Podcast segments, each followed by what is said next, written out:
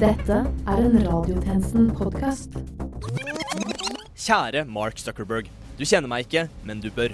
Mitt navn er Herman Arneberg Johnsen, og jeg er redaksjonsleder for det norske nyhetsprogrammet Radiotjenesten på Radio Nova. Jeg henvender meg til deg, Mark, for å fortelle at jeg ikke vil etterkomme kravet om å la være å vise frem et dokumentarfoto fra Vietnamkrigen. Og vet du, lille Mark, når du i det hele tatt kommer med dette kravet, blir jeg redd for det du er i ferd med å gjøre med en grunnpilar i vårt demokratiske samfunn.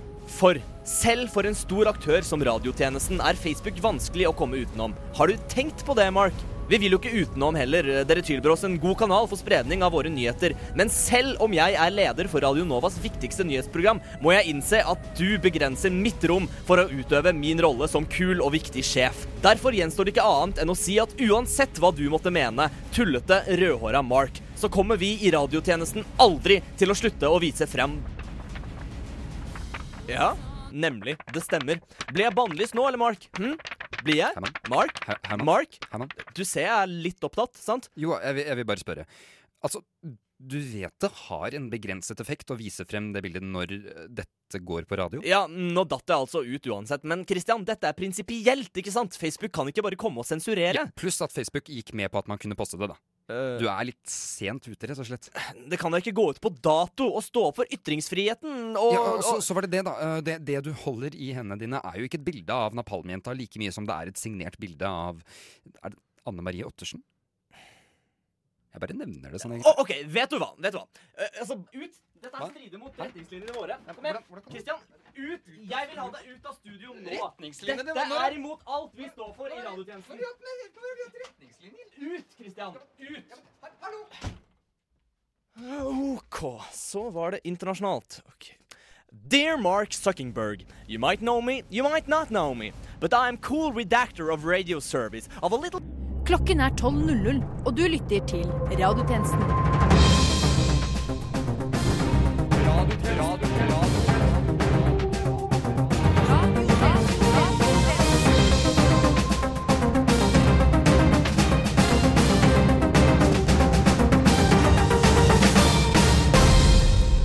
Til radiotjenesten. Dette er nytt under solen. Våpenhvilen i Syria går inn i sitt femte døgn, men mandag, tirsdag, onsdag, torsdag og fredag er allerede etablert som juksedager. Muslimske kvinner som vil klippe seg hos rasistfrisører, anbefales å gå med parykk over hijaben. Og Donald Trump ligger fremdeles bak Hillary Clintons råtne lik med solbriller på i fersk meningsmåling.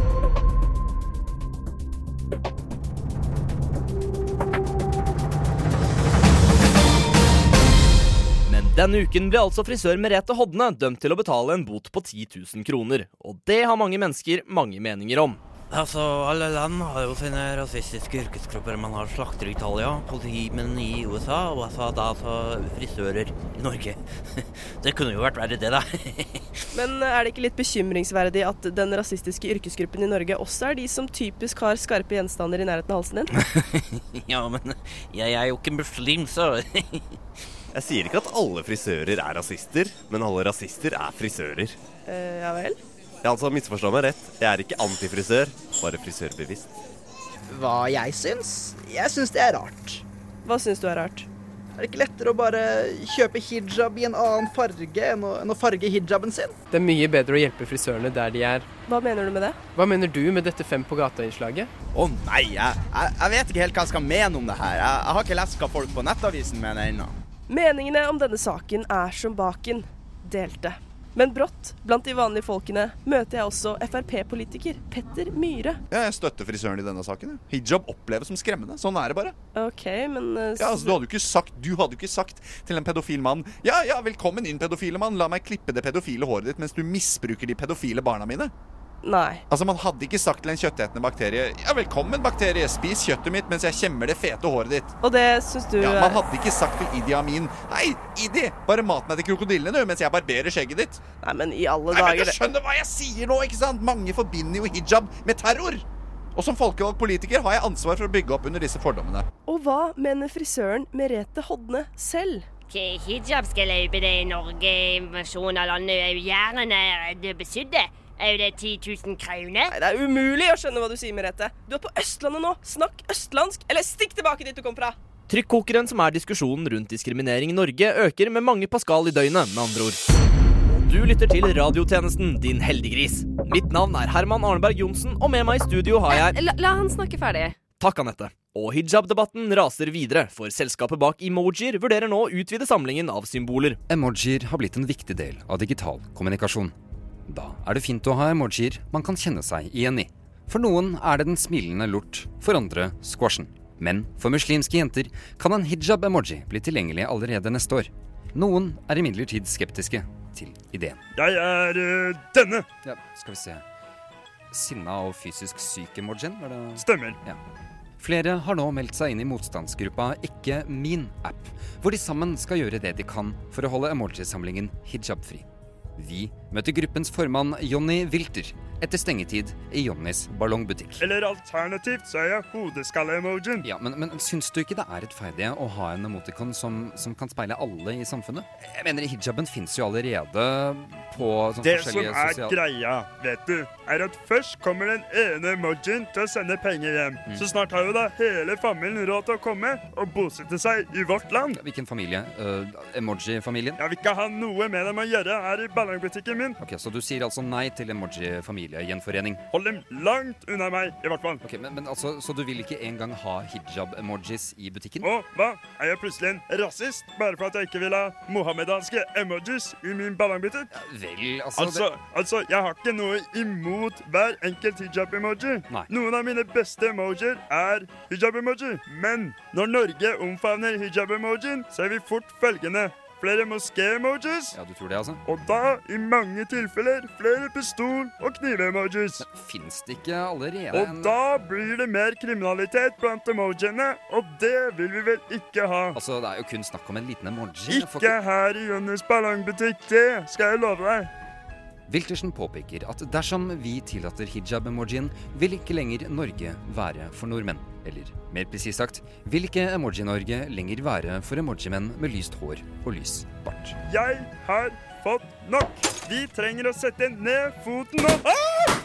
Eksplosjonsemoji! Plutselig kaster lederen av Ikke min app seg bak under disken. Ser du? Helt på setekanten hele tida. Fy! Jeg jeg er ganske sikker på at det var en av ballongene dine, altså. Åh, jeg trenger en martini-emoji. Den femte statsmakt. Radiotjenesten. Hva er en sydenferie? En sydenferie? Ja, hva er en sydenferie? Vel, altså en sydenferie Det er tid til å tenke. Tid til å puste. Tid til å slappe av, og tid til å nyte. Det er et sted der du kan drømme, flykte fra virkeligheten og svømme. Hvor kan vi gjøre det? Det er et sted fylt med kjærlighet. Mulighet for å oppleve romanse. Men hvor? Et sted der du kan ta frie valg. Spise god mat. Hvor? Et sted der du våkner opp vakker og uthvilt. Et sted det enten kan være rolig eller vilt. Jeg vil dra dit. Bare fortell meg hvor. Har du noensinne drømt om å svømme med søte dyr? Kose med skumle, farlige dyr som er blitt temma av lokalbefolkninga? Et sted som er isolert fra storbylivet, men har på sitt vis et eksotisk, urbant miljø? Heldigvis for deg har klimaendringene aldri vært tydeligere eller mer betryggende. Og i alle de arktiske havområdene som ikke er dekka av is, er fire celsius grader varmere enn normalen. Ifølge våre forskere er vanntemperaturen estimert å være 25 grader. Arktis? Det er jo ikke Syden. Jo, men Og skal ikke global oppvarming være en dårlig ting? Men hvem trenger egentlig togradersmålet når du kan bli brun og full i eget hjemland? Kan man ikke bare drikke litt Red Bull og vodka og solarium? Mye mer økonomisk og nært. Men da kan jeg men da kan ikke jeg ta med familien. Det her har vi vært gjennom før. Har vi? Sjøl om vi kanskje må glemme flere samarbeidsavtaler med visse sentrumspartier.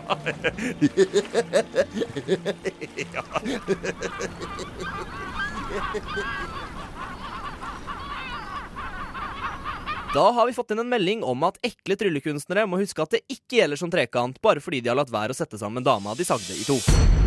Men nå Boligprisene i Oslo har steget dramatisk det siste året, og med meg i studio har jeg en oslomann som er en av de som har tatt seg råd til å bo i hovedstaden sentrum. Ja, det stemmer. Eh, Det kostet jo en liten eh, formue, men eh, i det minste bor jeg sentralt. Kort vei til alt. Men du bor i en søppeldunk, stemmer ikke det? Jo da, men en sentral søppeldunk. En søppeldunk som står midt i en tungt trafikkert vei. Sentralt i en tungt trafikkert vei. Nemlig. Nemlig.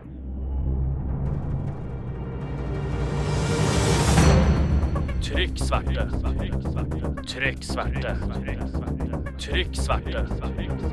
Trykk sverte. Når bladene begynner å falle fra trærne, og solen slutter å varme våre nakne, vakre, atletiske gudekropper, som ligger strødd utover svabergene som statuer fra det gamle Grekenland, og tilfører vår varmeste årstid en estetisk touch som rett og slett ikke er til stede under den lange, kalde mørketid som vi kaller vinter. Ja, da er det ett som er sikkert, og det er at det utkommer nye kataloger fra forlagene. Store, tykke lister over høstens nye bokutgivelser som svært få skal lese og enda færre skal kjøpe. Vi har samlet noen mennesker fra Bok-Norge i studio til en debatt om nettopp bokhøsten. Og masse mener Regen Kristoffersson. Hvorfor kommer egentlig alle disse nye bøkene ut? Ja, ja det spør jeg òg om. Altså, Brenn skiten. Bokbål. Vet du hva det er? Det er folkelig, og det er viktig. Altså, Så lenge vi har bøker som er laga ut av tre, så er det jo mulig å brenne det, da. Så ja, ja så hvorfor ikke? Når en har drukket litt, da, så er det noe gysla gøy å pisse på bålet. Også. Og det beste som ligger på det der bålet, det er noe piss uansett. Jeg, jeg pissa en gang på en stil som jeg sjøl skrev på Kongsgård på, på videregående. Uh, og, og den var en proletar fra Island som var rævkjørt av kapitalistene. Altså, og fikk, eh, så fikk jeg kompiser med til å ta bilde ut av det. da. Og, da.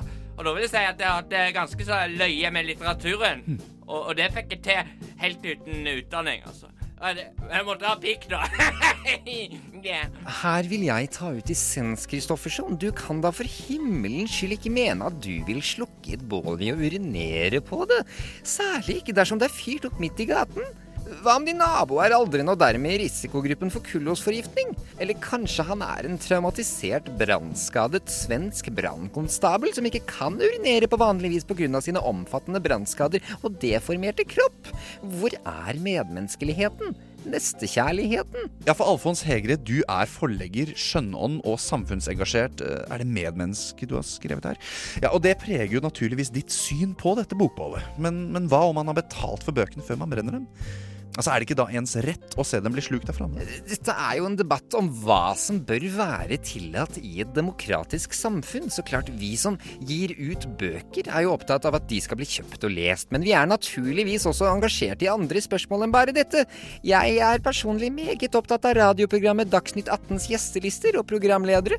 Og hvis vi skal kunne kalle oss et demokratisk samfunn, er vi nødt til å diskutere hvem som diskuterer. Ellers diskuterer vi egentlig ikke. Vi bare prater. Og bare prat er ikke nok. Vi må prate mer om praten. Ellers er vi ikke forleggere, for å si det rett ut. Margrit Frivold Petersen, du skal gi ut kortprosasamlingen 'Hver gang jeg går ut, gråter jeg' i høst. Hva vil du tenke dersom du ser et bokboll midt i gaten der du bor, og din egen bok eh, ligger på bollet? Um, ja, altså jeg vil gråte så klart. Men det gjør jeg jo hver gang jeg går ut. Um, altså, jeg ville kanskje tenke at en del av meg utslettes og sendes ut i det store intet. Og at det er både godt og vondt samtidig. Og at det kanskje bare er meg. Er bare meg, men jeg vil jo tenke at at jeg tenker på tilintetgjørelser og gråt. Det tenker jeg er det som gjør at jeg er meg, Margrethe, og det er dette, denne gråten, som er boken min. Det er dette som er meg, Margrethe, som gråter disse tårene. Dette havet av saltvann og smerte. Det er det som er meg. Denne gråten, Margrit, denne modige gråten er det vi, de mange, som sørger for at du kan gråte. Forleggerforeningen, Dagsnytt 18, de modige. Vi er dine tårer, kan man si. Fordi vi brenner bøkene! Men eh, det skrives jo ikke bare om gråt, for Peder Hedonius Løvenskiold, du omtaler deg selv som arbeiderforfatter og har skrevet romanen 'Never av sten'. Hvorfor det? Jeg mener, og min mening er jo viktig her, at arbeiderklassen trenger en plass i litteraturen. Jeg tenkte på noe da jeg skrev min doktorgrad i sosiologi ved Sorbonne. Hvorfor er det så få fattige fabrikkarbeidere som skriver romaner? Svaret ga seg jo på mange måter selv. De leser dem ikke, de tenker ikke på dem, de bryr seg rett og slett ikke om dem. De har ikke tid til dem, og da kom jeg på noe fantastisk. Jeg, med mitt massive intellekt, min omfattende kulturelle kapital og dype innsikt i sosiale og økonomiske mekanismer i postindustrielle vestlige samfunn, kunne gjøre denne jobben for dette nye prekariatet som har oppstått i Europa. Da trenger de verken å lese eller skrive romaner, og kan således konsentrere seg om å organisere seg til kamp mot sosial dumping. Godt hjulpet av arbeidssosiologer og planøkonomiteoretikere, så klart. Mm, sosialt ansvar er godt, men vi skal ikke glemme at vi også må huske å formidle dette sosiale ansvaret vi tar. Jeg tar sosialt ansvar. Noen som skal ha en øl der? Jeg vil bare Og dette er bare meg.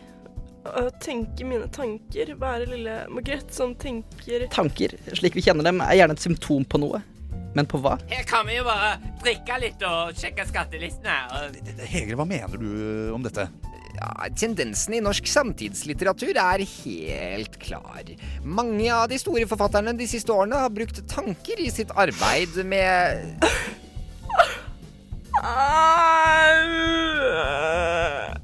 Jeg blir redd av ølbokser. Kan dere ikke se at denne kvinnen trenger rødvin? Nå! Og med det sier vi takk til alle menneskene som sammen utgjør en vesentlig del av vårt ånds... Svært vesentlig. Ja. Og så takk til deg også, Hegre. Adjø. Farvel. Vekk. Cannabis? Svært dårlig, forteller justisminister Anders Anundsen.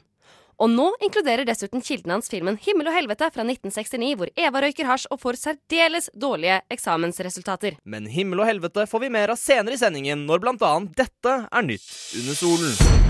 Sogn og Fjordane, Rogaland og Hordaland skal bli ett fylke. Skal nå hete Den vestlige demokratiske republikken av Fjordland. Fremdeles intern strid i Oslo SV. Ennå usikkert hvilket av de fire medlemmene som skal ha førsteplass på stortingslista. Og mange mener det er på tide å skrinlegge rasisme som konsept. Vi prøvde, det fungerte ikke, og det må vi tørre å innrømme.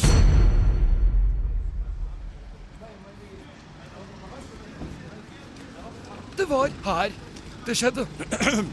Det var der det skjedde. Det var her det skjedde. Det var der det skjedde. Det var her det skjedde. Det var der det skjedde. Det var her det skjedde. Det var der det skjedde. Det var her det skjedde. Der det skjedde. Ja, det, det var her det skjedde. Det var der det skjedde. Det var her det skjedde. Det var der det skjedde. Det var her det skjedde. Det var der det skjedde. Det var her det skjedde. Det var der det skjedde. Det var her det skjedde. Det var der det skjedde. Det var her det skjedde. Det var her det skjedde. Det var der det skjedde. Det var der det skjedde. Det var der det skjedde. Det var der det skjedde. Det var der det skjedde. Det var der det skjedde. Det var der det skjedde. Det var der det skjedde. Det var her det skjedde. Der det skjedde. Det var der det skjedde. Radio Nova går i Ny forskning viser at det verste kallenavnet å ha må være Sharia-Maria. Det beste er på sin side Kjappen. Velkommen tilbake til radiotjenesten med meg, Herman Arneberg Johnsen. Og meg, Anette Nærum. Og i et opptak offentliggjort forrige søndag kunne man se demokratenes presidentkandidat Hillary Clinton kollapse etter en 11. september-markering. Radiotjenestens helt egne utenrikskorrespondent Fredrik Jøns Rumpehagen var nærmere hendelsen enn de fleste nordmenn. For ukens korrespondentbrev er postlagt i New York. Det var ikke Oslo, Trondheim eller Ålesund. Det var Amerikas hovedstad New York. Temperaturen var høy, eller it's very hot, som amerikanerne sier. 15 år hadde gått siden den grufulle dagen da over 4000 folk ble drept av muslimske slemminger som tok flyene inn i World Trade Center, så de kollapset i et inferno, et slags jordlig helvete, av smeltede stålbjelker, steiner, sand, døde folk og andre ting. Men det var en annen kollaps som stjal oppmerksomheten. Det demokratiske partiet sin presidentkandidat Hillary Clinton var på vei inn i de store, sorte bilene amerikanerne er så glade i. Alt er liksom så stort her i Amerika, også bilene. Men før hun fikk satt seg i den gigantiske bilen, deiset hun mot bakken. Lungebetennelse er den offisielle forklaringen, men min hyggelige nabo, alle er liksom så hyggelige her i USA, mener at det er noe mye, mye verre enn som så. Hillary Clinton er døende. For hun kalles bare Hillary blant vanlige amerikanere. Amerikanere som jobber dagjobber, som bestiller store hamburger og kjører bil.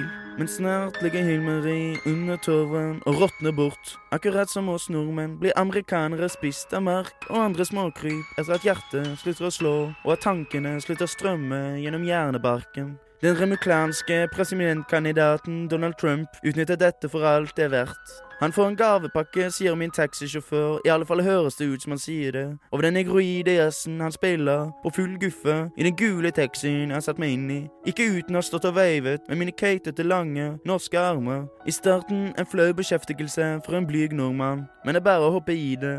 Det er det amerikanere gjør. Hillary's kollaps er om ikke annet en påminnelse om livets forgjengelige karakter. Når alt kommer til alt, skal vi alle dø. Amerikanere og nordmenn. Min sorte taxisjåfør skal dø. Du skal dø. Og Hillary Clinton skal dø. Også jeg skal en dag være midtpunktet i en verdig begravelse som samler venner og kjente fra hele verden, der alle gråter fordi de savner meg og skulle ønske at jeg fortsatt var levende. De krangler så busta fyker, men én ting kan Donald Trump og Hillary Clinton enes om. Det blir spennende i the primaries, som amerikanere kaller presidentvalget. Fredrik Jøns Rumpehagen, New York. Men nok om Hillary Clinton. Nei da. Hillary Clinton har slitt med dårlig helse og lave meningsmålinger, og i den anledning har tjenestemann Holbeck besøkt en annen politiker med en turbulent fortid. Hun har blitt angrepet for å være generaliserende og udisiplinert. Hun har blitt innlagt på sykehus med lungebetennelse, og nå kritiseres hun for å skjule sin tilsynelatende alvorlige sykdom. I en uke der Donald Trump har innrømmet å lyve til skatteetaten om veldedige donasjoner, skrytt av Vladimir Putin på russisk propaganda-TV og snakket offentlig om hemmelighetsstemplede etterretningsorienteringer, har mange likevel omtalt de siste dagene som Hillary Clintons helvetesuke. Og da visste jeg hvem jeg måtte snakke med. Kan jeg by dem på forfriskninger? Kanskje senere, men først Vidkun Quisling, du er en profilert politiker som dessuten bor i helvete. Hvordan stiller du deg til denne karakteristikken av eh, Hillary Clintons helvetesuke? Jeg reagerer litt på bruken av uttrykket 'helvete' her. Så vidt jeg kan forstå, har Clinton bare lungebetennelse. Det gjør sikkert vondt, men vi pines med ild og svovel for øynene på de hellige engler og lammet. Sant nok. Quisling viser meg rundt i nabolaget sitt. Ildsjøen, som han kaller det. Jeg får se den udødelige marken som eter han, og ilden som aldri slukker. Det er jo litt av et syn, eller hva? Hillary Clinton blir kritisert for hemmelighold og, og vasser i vage beskyldninger om korrupsjon. Du var også en kontroversiell politisk figur, bl.a. Uh, gjennomførte du et statskupp i 1940. Er dette å anbefale for Clinton? Skulle hun ende opp med å tape valget? Det må jo nevnes. Dette høres vel mer ut som Trumps domene. Sant det. Men altså, det kommer i stor grad an på hennes livssituasjon. Det ville jo vært synd om hun snauet unna himmelen for en politisk seier men hvis hun allerede er dømt til fortapelsen, har hun lite å tape på et statskupp. Men du har tro på at Hillary kan bli en god nabo?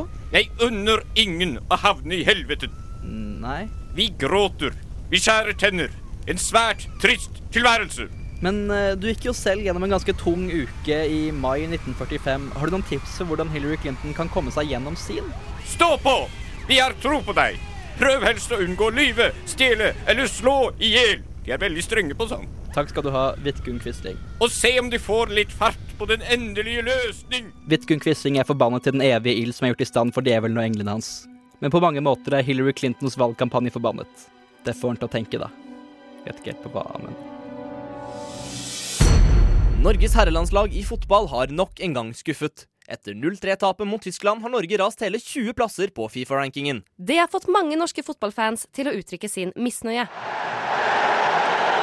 Per Mathias, velkommen hit til oss i radiotjenesten. Alt vel? Ja, jeg er fornøyd med dagen uh, så langt.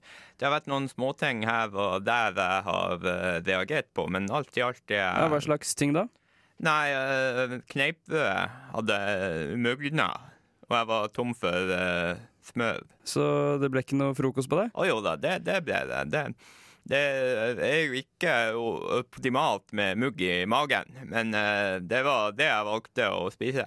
Jeg kunne ha spist både egg og yoghurt, men jeg foretrekker brød. Så da var valget uh, ganske så lett. Så du er ikke redd for å bli syk? Det er jo sånn at om jeg ikke blir syk så eh, Ja, så da er det jo verdt det, da. Da, da, da er det jo Det er jo mye tilfeldigheter i fordøyelsessystemet, og dessuten så eh, så var den der eh, osten den var, den var helt fersk, så det, det, det burde nok gå bra. Tusen takk til deg, Per-Mathias, og lykke til mot Aserbajdsjan.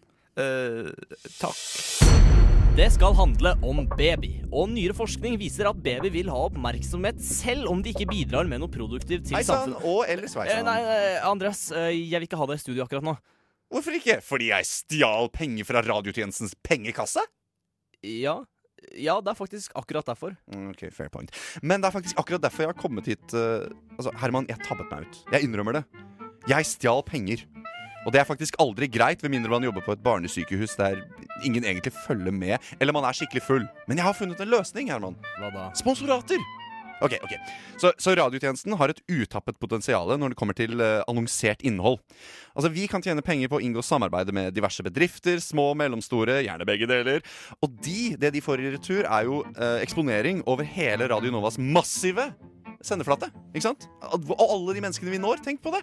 Det er vinn-vinn, det! Hvordan har du tenkt at vi skal gjøre det, da? Nei, altså, det, det vi gjør, er at vi bare, vi bare kobler opp mot aktuelle nyhetssaker og skjuler, skjuler sponset i innholdet. Det høres uetisk ut. Nei, nei, nei, nei, det er det som er så digg med spons. Du kan skjule det altså, Du kan skjule skikkelig bra bak innholdet ditt. Bloggerne kommer faktisk unna med det hele tiden. Sånn Sofie Elise eller Potetgyrid. Altså. Ja, men det er jo derfor jeg kaller det uetisk, Andreas. Og dessuten, nei, de kommer ikke alltid unna med det. Det var jo flere store saker om dette senest i fjor. Ja, okay, ok, ok, Jeg skal vise deg hvordan jeg har tenkt det. ok? For jeg har allerede tatt meg bryet å skaffe tre sponsorer. Og de er, ja, de, du har kanskje ikke hørt om dem akkurat nå, eh, men man må starte et sted. Eh, det- ok, Så det første Hvis du bare tar, tar den her jeg skrev responsen. Ja. Det er for Svens pølseri. Uh, bare les det opp, du. Det foretas stadig ny forskning på både snus og røyk, og der noen mener at snus er farligere enn røyk, mener andre at dette bare er pølsevev. Hva blir, eh, hva blir neste, spør vi oss her i radiotjenesten. Forskning på pølser, kanskje? Deilige pølser på Svens pølseri, som kommer med himmelsk ostefyll og en smaksgaranti som sier hvis du ikke liker pølsa, kan du snuse deg selv til døde. Svens pølseri, maken til pølse Nei, pass, det her går ikke. Ja, hvorfor Jesus, ok. Ok, Jeg har en til her. Kan du bare lese den her? Ok? Ja, Jesus. Det meldes om at Donald Trump kan bli president. Ja, får håpe han er bedre president enn han er til å stelle håret sitt. Det stemmer. Hår. Nå også til hodet. Prøv det i dag, du også. Du, altså, du, Andreas, jeg, jeg skjønner ikke helt. Hva er det vi blir sponset av? Hår? Ja. Ja. OK. Nei, du, altså Dette var moro, men jeg tror vi bare En til, en til, en til. Vær så snill. Gi meg én sjanse til. Ja vel, ja vel. OK! Uh, kom inn, folkens! Ah, for en gjeng. Yes. Dette er, dette er visst en sånn in interessegruppe. Jeg hadde ikke hørt om, eh, om dem før. da uh, Vigrid eller noe sånt heter det. Ja, uansett, er dere klare? Vigrid? gutter? We, we Ja. Så fint. Okay, så da bare stiller dere opp på plassen deres, ikke sant? Vi, Vigrid? OK, når dere er klare Andreas, nei, nei, st st stopp! Reis deg, hvite mann, og rop Heil Sannheten bak sannheten. Radiotjenesten FM 99,3. Men nå skal det handle om matte. Åh. Fra og med høsten må søkere på høyere lærerutdanning ha karakteren 4 i matematikk. Dette er et av de nyeste kravene fra kunnskapsminister Røe Isaksen. Det resulterte i at 449 plasser på grunnskole- og lektorutdanningene sto tomme etter suppleringsopptaket i slutten av juli. Jeg syns jo det er litt trist. Karakterkravet som blir stilt, er altfor høyt. Og det er ikke dette det å være en god lærer handler om. Dette sier 28 år gamle Mette Hettemyr, som mener regjeringen er på villspor. Hun har nettopp begynt sin lektorutdanning etter å ha flekset mattemuskler på eksamen. Siden skal hun forhåpentlig undervise i samfunnsfag. En annen av de som kom inn på lærerutdanningen med høyest mulig karakter i matematikk, er Androida Sofia XR 8000. Ja. Det handler om å kunne lese mønstre og sammenhenger. Hvordan livet fungerer på sitt mest grunnleggende. Og hvordan er det? Å kunne lese mønstre så lett? Mm. Jeg mangler data. Mangler data, mangler data på det. Ja, der mangler jeg data, mangler data. De blinkende øynene hennes sitter litt løst festet i den omringende hudlignende gummien, mens det knitrer fra topplokket. Det er åpenbart et ladd spørsmål. Og hun er dessuten sent ute til egen undervisning i engelsk. Mangler data på det. Ja, der mangler jeg data. nemlig Matte er viktig, og burde vært et minstekrav. Dette er godt arbeid av regjeringen, spør du meg. Colex 2.58 har nettopp fullført masterutdanningen på lærerstudio ved Høgskolen i Oslo. Som en hyperintelligent datamaskin med seire over gamle russiske mestere i sjakk, er den rimelig sikker på at en matteeksamen hadde gått greit. Men personlig underviser Colex 2.58 i gym. Gå ned fra ribbeveggen. Det er ryddetid. Timen er over. Vær så snill. Unger. Unger. Som en stasjonær supermaskin får ikke Corlex 2.58 beveget seg stort, og den store blinkende veggen med LED-lys må dyttes rundt av vaktmester ved skolen, Joakim. Det er kanskje ikke mange lærerstudenter igjen, men de som har kommet inn, trives i det minste. Og Androida Sofia XR 8000 er intet unntak. Men føler du det er rettferdig at søkere på lærerutdanningen blir stilt for så høye krav? Da. Er. Å. Føle. Og med det er radiotjenestens tilmålte tid forbi. Men før vi avslutter, skal vi til Facebook-gründer Mark Zuckerberg, som er på tråden fra California. Hello? Yes? This is the Mark Zuckerberg of Facebook, and I'm a stupid boy with little to no brain in my ugly, no good stupid head. Herman, du kan ikke utgi deg for å være Thank you to you, Mark. You are indeed a stupid man. No problem, Herman. Here's a billion dollars. Uh, thanks you, Marky boy.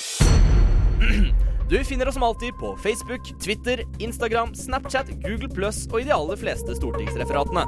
Dette har vært Herman Arneberg Johnsen Og Anette Nærum. for Radiotjenesten. Til neste gang, We News!